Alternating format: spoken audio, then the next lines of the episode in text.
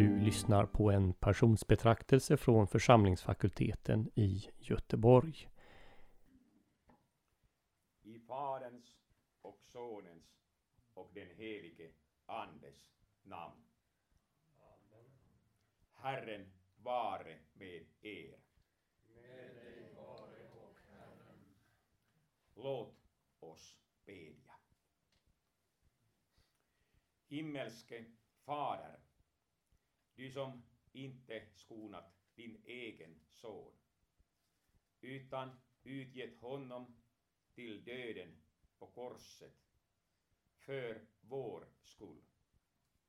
Sänd din ande i våra hjärtan så att vi förlitar oss på din nåd och får evigt liv. Genom din son Jesus Kristus, vår Herre.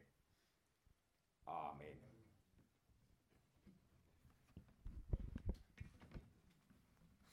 Vi läser Matteus evangeliet kapitel 26 från vers 1 till 16. I Jesu namn. När Jesus hade avslutat hela detta tal sade han till sina lärjungar Ni vet att om två dagar är det påsk. Då ska Människosonen utlämnas för att bli korsfäst. Översteprästerna och folkets äldste samlades nu i översteprästen Kaifas palats. De planerade att gripa Jesus med list och döda honom. Men de sade inte under högtiden, det får inte bli upplopp bland folket. När Jesus var i Betania, i Simon den spetälskes hus, kom en kvinna fram till honom. Hon hade en alabasterflaska med dyrbar olja. Och hon hällde ut den över hans huvud där han låg till bords.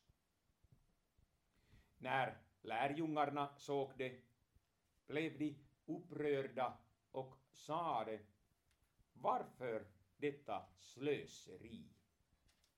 Den kunde man ha sålt för mycket pengar och gett till de fattiga. Jesus märkte det och sade till dem Varför oroar ni kvinnan? Hon har gjort en god gärning mot mig. De fattiga har ni alltid hos er, men mig har ni inte alltid.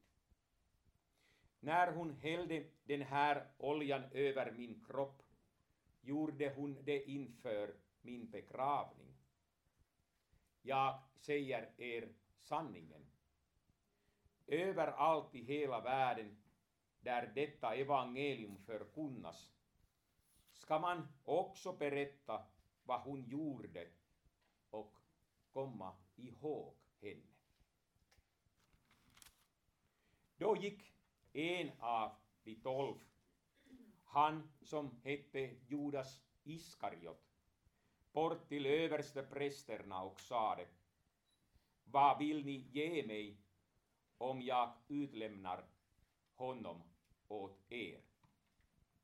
Då vägde de upp trettio silvermynt åt honom. Från den stunden sökte han efter ett lämpligt tillfälle att förråda Jesus. Så lyder det heliga evangeliet.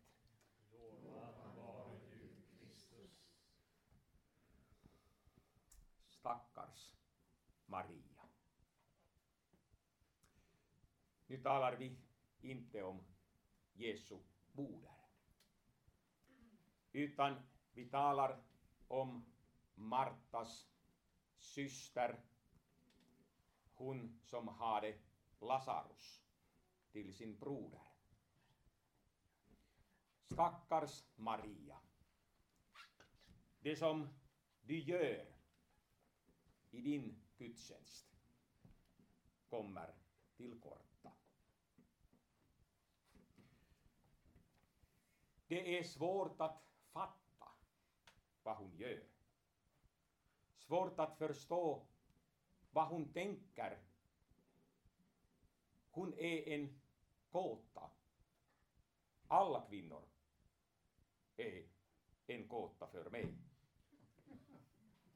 Men särskilt Maria är en jättestor gåta, ett frågetecken. Vi kommer ihåg att hon hade sin gudstjänst en gång vid Jesu fötter. Hon lyssnade på hans predikan. Hon var ivrig. Och sen berättas det om hennes syster Marta som blev irriterad. Marta fick göra allt och hon fick ingen hjälp från Maria. Och då kan jag liksom förstå Marta. Jag tycker att hon tänker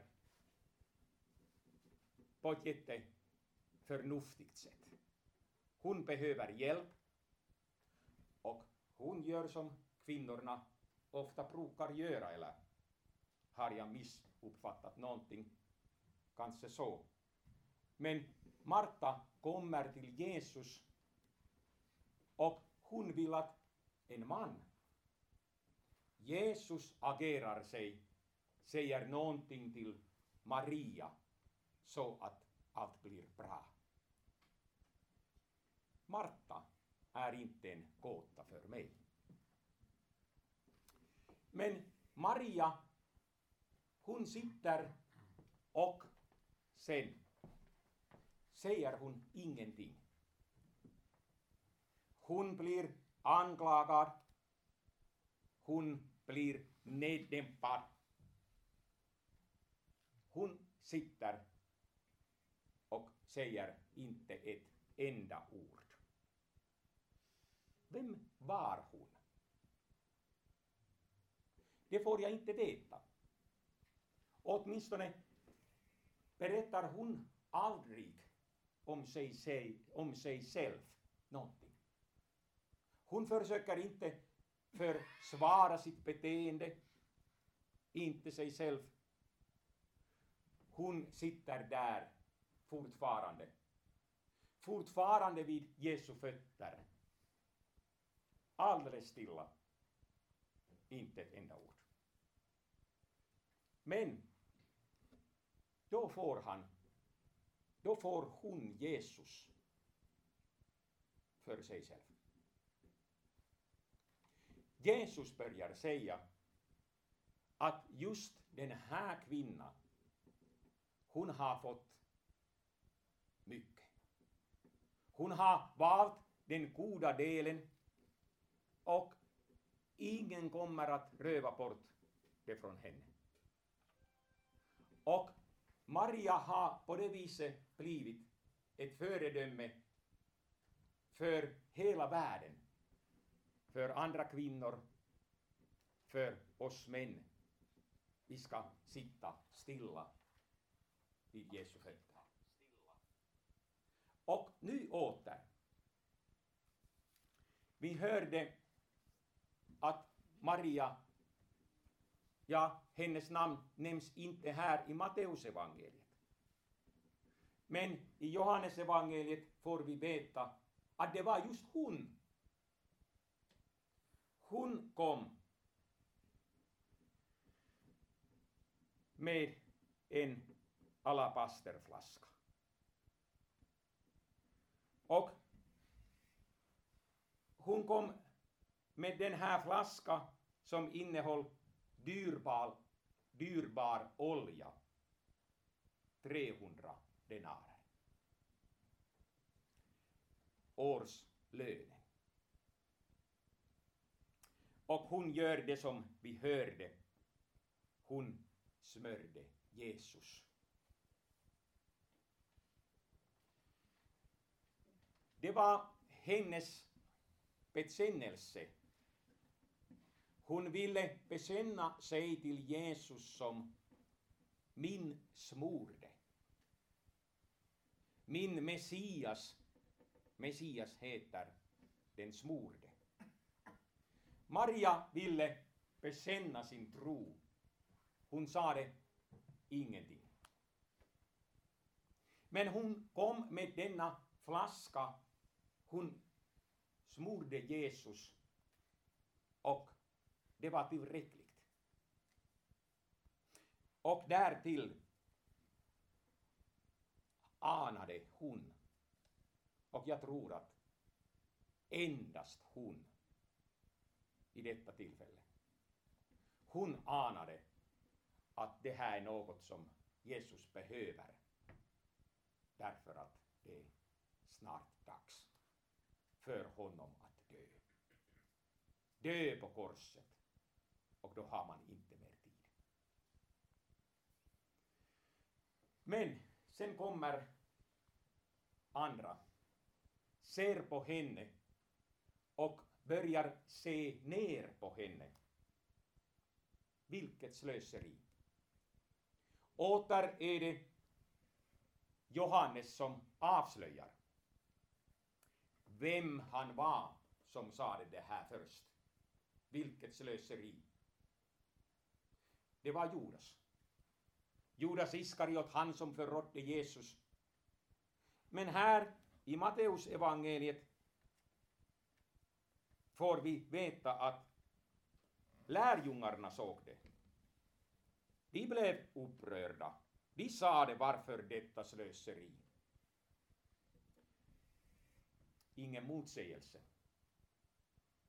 Utan här har vi en man som kan argumentera för sin sak.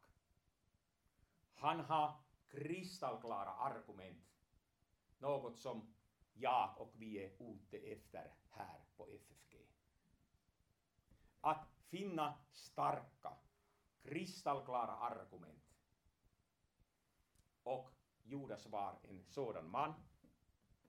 Och han kunde övertyga många andra av lärjungarna och de började tänka på samma sätt. Vilket slöseri! Ett ont ord i en församling kan sprida sig. Ett ont ord kan bli snart två, tre, tio. En man som förtalar blir snart tio män som förtalar. Och sen till sist hela församlingen strider med varandra. Det var något som ägde rum vid detta tillfälle. Och åter Maria. Hon är stilla. Hon säger inte ett enda ord. Vem är den här kvinnan? Hon sitter där, tar på sig själv allt ett skräp som män talar om henne, om hela situationen. Är hon en ängel? Jag nästan blir förälskad i henne när jag läser hur vacker hon är. Hon sitter åter vid Jesu fötter. Försvarar sig inte och väntar vad Jesus kommer att säga. Och åter säger Jesus legendariska ord. Det brukar han alltid säga. Va? Men nu säger han något som lever fortfarande. Och det är på grund av det som han säger att vi sitter här och lyssnar på detta evangelium. Jesus säger Varför oroar ni kvinnor? I grundspråket där sägs det egentligen varför ger ni henne slag? Inte med knyste. Men ni slår henne med ord. Ni piskar henne. Ser ni inte att hon mår illa? Varför gör ni så? Därför att vi har så goda argument. Varför detta slöseri? Argumentet är för oss. Men sen säger Jesus, hon hällde den här oljan över min kropp och hon gjorde det inför min begravning. Jag säger er sanningen. Överallt i hela världen där detta evangelium förkunnas ska man också berätta vad hon gjorde och komma ihåg henne. Och det gör vi nu. Vi kommer ihåg henne, även om, även om hon inte sa ett enda ord. Även om hon inte sa det att jag vill ha en staty. Jag var så riktigt bra. Hon inte begärde någonting sånt, men hon fick sitt namn här i evangelierna. Och så länge vi predikar evangelium så kommer vi att nämna Maria som deltog i en gudstjänst som var så bra att Gud förtjuste i det. Och när vi nu till sist ännu sammanfattar att Maria gjorde så där vid Jesu fötter nu en gång till och hela tiden det fanns en kristen församling kring henne. Men det var så svårt och det antagligen fortfarande är lika svårt att hålla en gudstjänst i ande och sanning som Jesus säger till en annan kvinna där vid brunnen. Att hålla en gudstjänst i ande och sanning att de rätt trogna lärjungarna kom till korta. Och jag tycker att när nu fastetiden har börjat, det här är en fantastisk text för mig här på FFG, för hela fakulteten att fundera på. Att hur ska vi hålla en gudomlig gudstjänst? Där vi har alla goda argument. Argument med vilka vi försvarar sanningen. Men att vi inte glömmer bort att vi behöver Marias hjärta. Att verkligen offra allt. Offra det som vi har. Inte räkna vad det kostar. Det får kosta vad det vill. Men nu är det dags för Jesus. Hon är min smorde. Hon har kommit för att dö. Därför, det finns inget annat i hela världen som är viktigare, som är bättre, som är underbarare än han som kom till mig, offrade sitt liv för oss alla.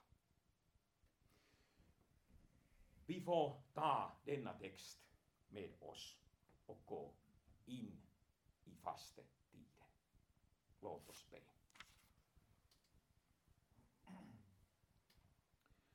Outsägligt stor Herre Jesus. Var din kärlek till oss fallna människor att du för vår skull blev människa och led smälek, ångest, pina och död för oss syndare som annars måste evigt dö.